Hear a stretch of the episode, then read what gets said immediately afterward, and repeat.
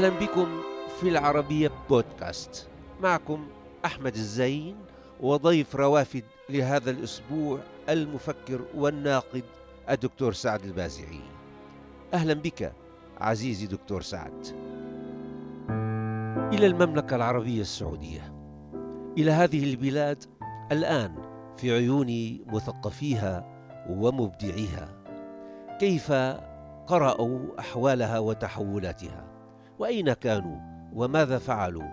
أو أسسوا؟ وما الذي ينتجه التقاء أفكار المثقف الذي يهجس بسؤال العدل والحرية والجمال مع رؤية إصلاحية أو مع قرار ثوري؟ ماذا ينتج هذا التلاقي وماذا يؤسس؟ وما هو المأمول؟ وهل الطريق التي تعثرت فيها عجلة التاريخ أصبحت الآن مهيئة؟ وأزيلت العوائق التي كانت تصطدم بها وتشل حركتها. وهل يمكن أن نسمي ما حدث هو نجاة من السكونية وبداية للسؤال المؤسس لتحرير العقل؟ وهل أحيانا يحتاج التاريخ المطمئن إلى تحريك صادم يزعزع ما هو يقيني؟ هذه الأسئلة وأخرى تدور في فلكها أحملها في المرة هذه إلى المفكر والأكاديمي والناقد الدكتور سعد البازعي. والدكتور سعد كعادته يستقبلك بابتسامته المرحبة والتي تخفي خلفها قلق المفكر وذكاء الناقد الذي يعرف متى يذهب إلى المجاز وهو في مسعى بحثه عن أجوبة أو عن نسب محتملة في الحقيقة. وكنت التقيت بالدكتور سعد في بيته هنا في الرياض منذ سنوات عديدة وكان يومها يزاول عمله الأكاديمي في الجامعة وكتاباته النقدية والبحثية وترجماته لعيون النصوص من لغتها الإنجليزية. ويحلم يحلم بمستقبل أبهى للبلاد. اليوم التقيته في البيت نفسه ويبدو أن مكتبته زادت كتبا جديدة ألفها وترجمها ويبدو أن حياته امتدت سنوات في حفيداته وأحلامه تحقق بعضها. ولكن الأهم هو أنه ما زال يراهن على المعرفة في التحولات الكبرى وهو الآن في موقع المسؤولية. في هيئة الأدب والترجمة وهي واحدة من عديد من الهيئات الثقافية في وزارة الثقافة التي تنشط في حقول متعددة إبداعية وثقافية. لابد أن هذه العودة يعني تحمل سؤال بطرحه أنا عليك. وأنت أيضا بتطرحه على نفسك هو أنه شو الأسئلة الجديدة اللي استجدت منذ 10 12 سنة حتى الآن؟ على سعد البازعي المبدع والمفكر والناقد. أولا أهلا بك ويسعدني أن نلتقي مرة أخرى. آه، بالنسبة لي الأسئلة بعضها أسئلة كبرى ومستمرة منذ سنوات آه، وبعضها فعلا استجد آه، أو اكتسب أهمية مضاعفة. نعم. يعني الأسئلة الكبرى أعتقد هي مطروحة على الثقافة العربية بصفة عامة. يعني هناك سؤال الهوية سؤال العلاقة بالذات وبالآخر. أعتقد أننا يعني نمر منذ قرن يمكن أو أكثر بسؤال عن موقعنا في هذا العالم. وكيف يمكن للثقافة العربية أن تستعيد نفسها وأن تكون على علاقة صحية بالعالم من حولها؟ وبنفسها. وبنفسها طبعا.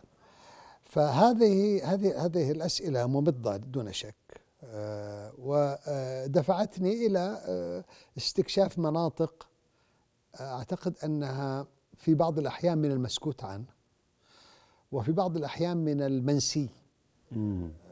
المسكوت عنه طبعا يتصل بالكيفية التي تعامل بها آه، كثير من المثقفين والكتاب العرب والمفكرين العرب بصفة عامة. مع آه، هذه الأسئلة نفسها وكيفية طرح هذه الأسئلة دون أن آه، آه، يتعرضوا لما يوقفهم عن العمل تماما. نعم. وأنت كتبت كتاب ونعم أنا بهالمعنى يعني توقفت أمام هذه الظاهرة في الثقافة التحايل العربية. على قول ما ينبغي أن يقال ولكن بطريقة التفافية. بالضبط. نعم. واكتشفت أنها قديمة يعني ليست نعم. أمرا طارئا أنا أعتقد أنها جزء من الخطاب الإنساني بصفة عامة. دائما هناك نعم. صراع الفرد مع المجتمع محاولة أن قول ما يصعب قوله. المصلحون الأنبياء المفكرون الفلاسفة. واجهوا هذه الإشكالية. لكن الوقوف على عليها في حالة متعينة في في نماذج نصية. متعين. هذا هو حاولت أن أصل إليه. بدلا من الحديث بصفة عامة. فأخذت نماذج من نصوص فلسفية إسلامية عربية قديمة ونصوص معاصرة ونصوص لدى آه، الآخر أيضا الثقافات الأخرى. وحاولت أن أستكشف الاستراتيجيات النصية التي اتبعها أولئك الكتاب لكي يمرروا أمورا أفكار. يصعب آه، تمريرها. جميل. نعم يعني هي الإشكالية تحدث عنها جورج أورويل مثلا في 1984 نعم. الأخ الأكبر الذي يحيط بك دائما. وتكتشف أن المشكلة ليست مشكلة الأفراد فقط وإنما هي أحيانا مشكلات السلطات نفسها. عندما تحاول أن تفعل شيئا يصعب عليها فعله لأن المجتمع يقاومه أو لأن الثقافة آه، ترفضه. فكيف تدخل إصلاحات معينة؟ فحتى القوي أحيانا يصبح ضعيف في هذه المواقف. نعم نعم. آه، يعني تصبح القوة والضعف مسائل نسبية حقيقة. نعم. آه فهذا يعني آه جزء مما اشتغلت, اشتغلت عليه. نعم, نعم. وهو جزء من قضية أعتقد كبرى يعني ليست جديدة أصلا. طبعا هي الأسئلة المستجدة اشتغلت عليها وذكرت لي حادثة طريفة بالسياق بالدردشة أنه حتى الفارابي في في زمانه يعني قلت لي قول أول آه، أول الفلسفه اليونانيه ما لم تقله حتى يبرر حتى يتكئ عليها يمكن لتمرير أفكاره. آه، صحيح. يعني هذا الكلام يعني اتضح لي من قراءة ما كتبه فيلسوف ألماني اللي هو ليو شتراوس. آه، معاصر يعني توفي في فترة قريبة. شتراوس غير عالم لا غير ليفي ستروس. غير ليفي أي نعم غير الفرنسي. غير هذا ألماني أمريكي. آه، أستاذ آه، فلسفة وسطوية. إيه؟ بالدرجة الأولى ومعروف أيضا عند المحافظين الجدد في أمريكا. يعتبر زعيم لهذا النوع من التفكير لكنه متخصص في الفلسفة الإسلامية والأوروبية الوسطى. فذكر عن الفارابي أنه تحدث عن أفلاطون وقوله كلاما لم يكن بمقدور الفارابي نفسه أن يقول أن يقوله أو ينسبه إلى نفسه فنسبه إلى أفلاطون آه وهذا من باب يعني تجاوز الخطوط الحمراء نعم. بطريقة سليمة يعني. حتى هذا حتى هذا الزمان يعني بعد مرور يعني تقريبا 1900 عام يمكن 1000 عام على على هذه الحادثة. حتى الآن نفس المشكلة يعاني منها العالم تقريبا بنسب مختلفة ولكن العرب نحن آه، يعني في كابوس وليس صحيح. معاناة. يعني في كابوس أن تقول أو أن تسعى لإخراج المجتمع من من ثباته ومن ماضيه. يعني لم تزل المجتمعات العربية أسيرة ماضيها أكثر بكثير نعم. من رؤاها أو تخطيطها للمستقبل. هذا صحيح. وأعتقد أنه في بعض الأحيان كان حافزا على الإبداع. آه يعني أذكر مقولة لنجيب محفوظ. الإبداع بشق الشعر والروائي والروائي نعم وليس الفكري. وليس الفكري. وليس الفكري آه، فقط. الفكري في تحايل. في تحايل نعم. نعم. يعني نجيب محفوظ يقول أنه في عهد عبد الناصر كان الإبداع مستوى الإبداع أعلى بسبب القيود المفروضة. آه آه بعد في بعد ذلك خفت تلك القيود فهبط مستوى الإبداع لسهولة قول ما يمكن قوله. يعني صار أسهل.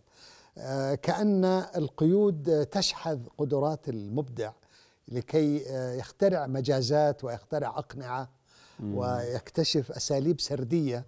نعم. آه، نعم. في حين أن سهولة القول هذه بتحد من الخيال ومن أيضا في رواية امريكي شهيرة أيضا قال عبارة اقتبستها في كتاب مواجهات السلطة الذي تفضلت بالإشارة إليه. آه هذا الروائي الأمريكي كان يذهب إلى تشيكوسلوفاكيا آه يزورها وعندما يعود إلى أمريكا يقول إنني أحسد الكتاب التشيك آه لأنهم هناك عندما يقولون كلمة الجميع ينتبه. إيه. الكلمة لها وزن ثقيل. قد تودي بإنسان بصاحبها للتهلكة أيام الدكتاتوريات يعني. نعم. بينما نحن في أمريكا نستطيع أن نقول ما كل ما نريد لكن لا أحد يهتم. هذه مفارقة يعني. مفارقة عجيبة طبعا بس هذا سيف ذو حدين إنه الحريات الحريات بشكل عام بالغرب أيضا تسمح تجعل المفكرين والكتاب يذهبون إلى موضوعات لا تخطر ببالنا نحن. بالضبط خاصة بالضبط. في مجالات صحيح. المعرفة يعني بيتطرقوا لموضوعات بيعالجوها ما بتخطر ببالنا لأنه هن عندهم الراحة ما فيها القلق أنه بده يلاقي موضوع يتحايل ليقوله أو يقوي الأبطال بروايه كتبه مثلا على ذلك أنه في كثير ترجمات لكتب وأنت يعني عندك كثير أعمال مترجمة. ترجمات لعناوين وموضوعات ما ما بتخطر ببالنا. صحيح. مثلا إنه واحد بيكتب عن الباب. مم. ما هو الباب؟ نعم. شو معنى الباب؟ كل دلالاته التاريخيه والحديثه وتحولاته. من باب عشتار اللي هو هلأ ببرلين بالمتحف الإسلامي ببرلين إلى الباب اللي نحن بنفتحه ونفوت على بيوتنا الآن يعني. مرورا بكل أشكال الأبواب المفتوحة والمواربة. صح. فنحن همنا العلاقة مع السلطة دائما. ومع المجتمع الضغط ومع الموروث هو دائما هذا في نوع من الثقل. حمل كبير يبدو يمنع الكثيرين من أنه يعني يمشوا بهدوء وبصحة. صحيح. يعني الحرية تتيح لل للمبدعين والمفكرين والأدباء بصفة عامة آه، أن يستكشفوا آه، مناطق يصعب على الآخرين استكشافها لأنهم مشغولين بعملية توسيع أمداء الحرية نفسها. جميل. آه فهناك قلق أيضا قلق قلق المعرفة نفسها.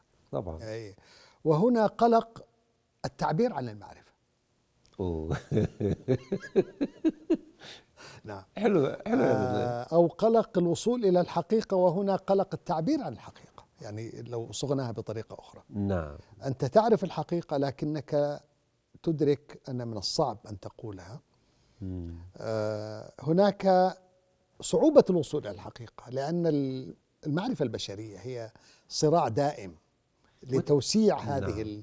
الخطوط الجبهات وتراكم. القصوى. نعم. وتراكم. وتراكم. نعم. تراكم دون شك. للأسف ربما يعني أنا لا أجزم العرب ما عملوا تراكم. مشكلة الثقافة العربية الحقيقة إحدى مشكلاتها الكبرى هي أنها مطمورة إلى حد بعيد. مم. يعني ما تزال موجودة في مخطوطات. يمنع نشرها يعني. مئات الآلاف أو يصعب نشر. نشرها بسبب أنه لا تتوفر القدرة على تحقيق كل هذا القدر الهائل. أينما ذهبت في أوروبا الآن تجد مخطوطات المتاحف نعم. يعني تذهب إلى الإسكوريال مثلا في أسبانيا مكتبة الإسكوريال تجد آلاف المخطوطات. تذهب إلى برلين وذات وفرانكفورت ذات قيمة يعني ذات قيمة معرفية وفيها جرأة فيها يعني معالجة موضوعات أم أم تشبه كتب التراث يعني المعروفة يعني. قد يكون بعضها ما لا قيمة له. نعم. آه لكن من المؤكد أن هناك كتب ضائعة. ثم المشكلة الأخرى التي واجهتها الثقافة العربية هو الانقطاع الطويل بين من 100 سنة آه، حتى من يعني من القرن يعني السابع أو الثامن الميلادي تقريبا. نعم. حتى القرن عصر النهضة القرن التاسع عشر. فترة لم ينتج فيها الكثير.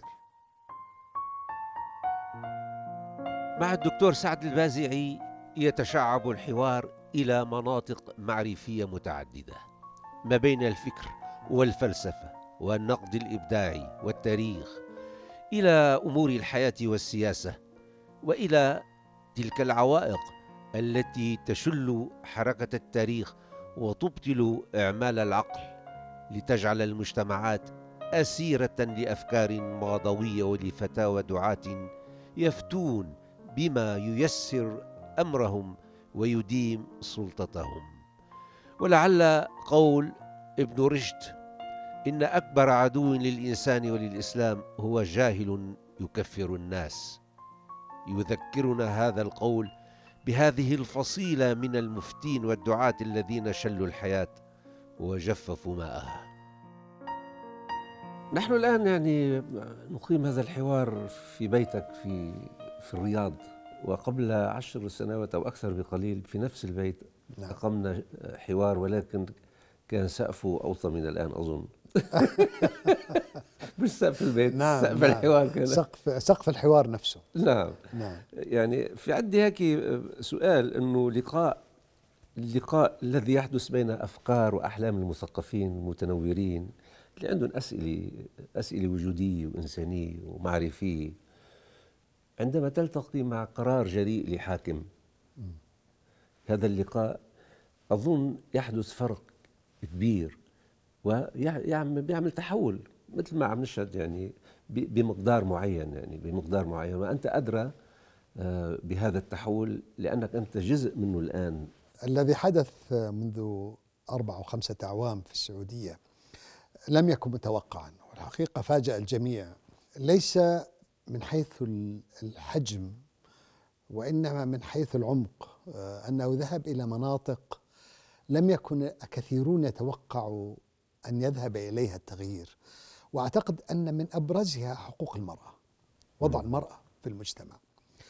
آه، توفر للمرأة الآن حقوق غابت حقوق لسنين. نعم حقوق آه، في الحريات الشخصية.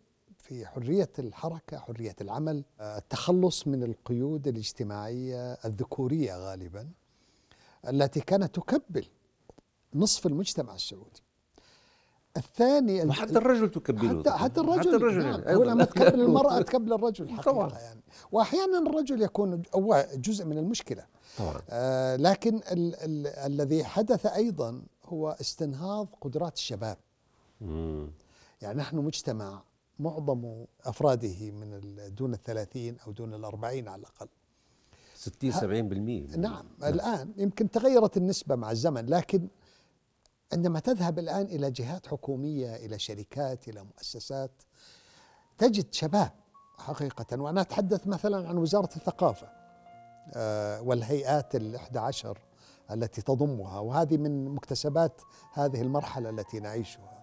آه، عندما تذهب تجد ما دون الثلاثين ابتداء من القيادات العليا في الوزارة إلى آه، مختلف العاملين في الوزارة. من الوزير يعني نعم من الوزير شاب نعم. يعني آه، بدر. والقليل جدا من آه، هذه القيادات في سن أعلى من هذا. يعني أنا وزملائي اللي موجودون في هيئات في مجالس إدارة نسهم بخبراتنا نسهم بآرائنا. طبعا. طبعا. لكن الطاقة الفاعلة الطاقة العاملة هي طاقة هؤلاء. عندما معرض الرياض الكتاب مثلا كان المعرض يديره شباب تقريبا كلهم. يعني من الواضح إنه في رهان يعني في رهان وتعويل على المعرفة بشكل عام يعني نعم. بفروعها المختلفة وحقولها المختلفة. صحيح صحيح. آه، في رهان عليها لحتى تكون رافعة الثاني وأساسية يعني هي هي الرافعة الأساسية المعرفه في النهوض بالمجتمع ودفعه إلى الأمام. نعم. توازي الرافعه رافعة الثروة النفطية صحيح صحيح. وبظنك في في عوائق أمام هذه هذه الطموحات؟ آه أم أنه يعني ماشي الأمور؟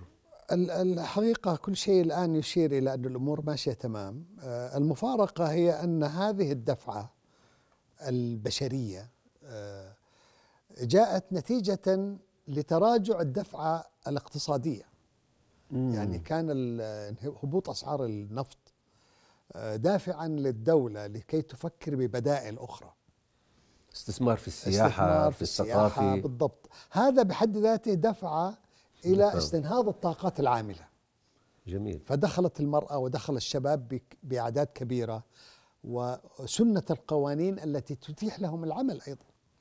يعني إيقاف مثلا يعني فرق التشدد الديني التي كانت تجوب الشوارع وتقيد حريات الناس.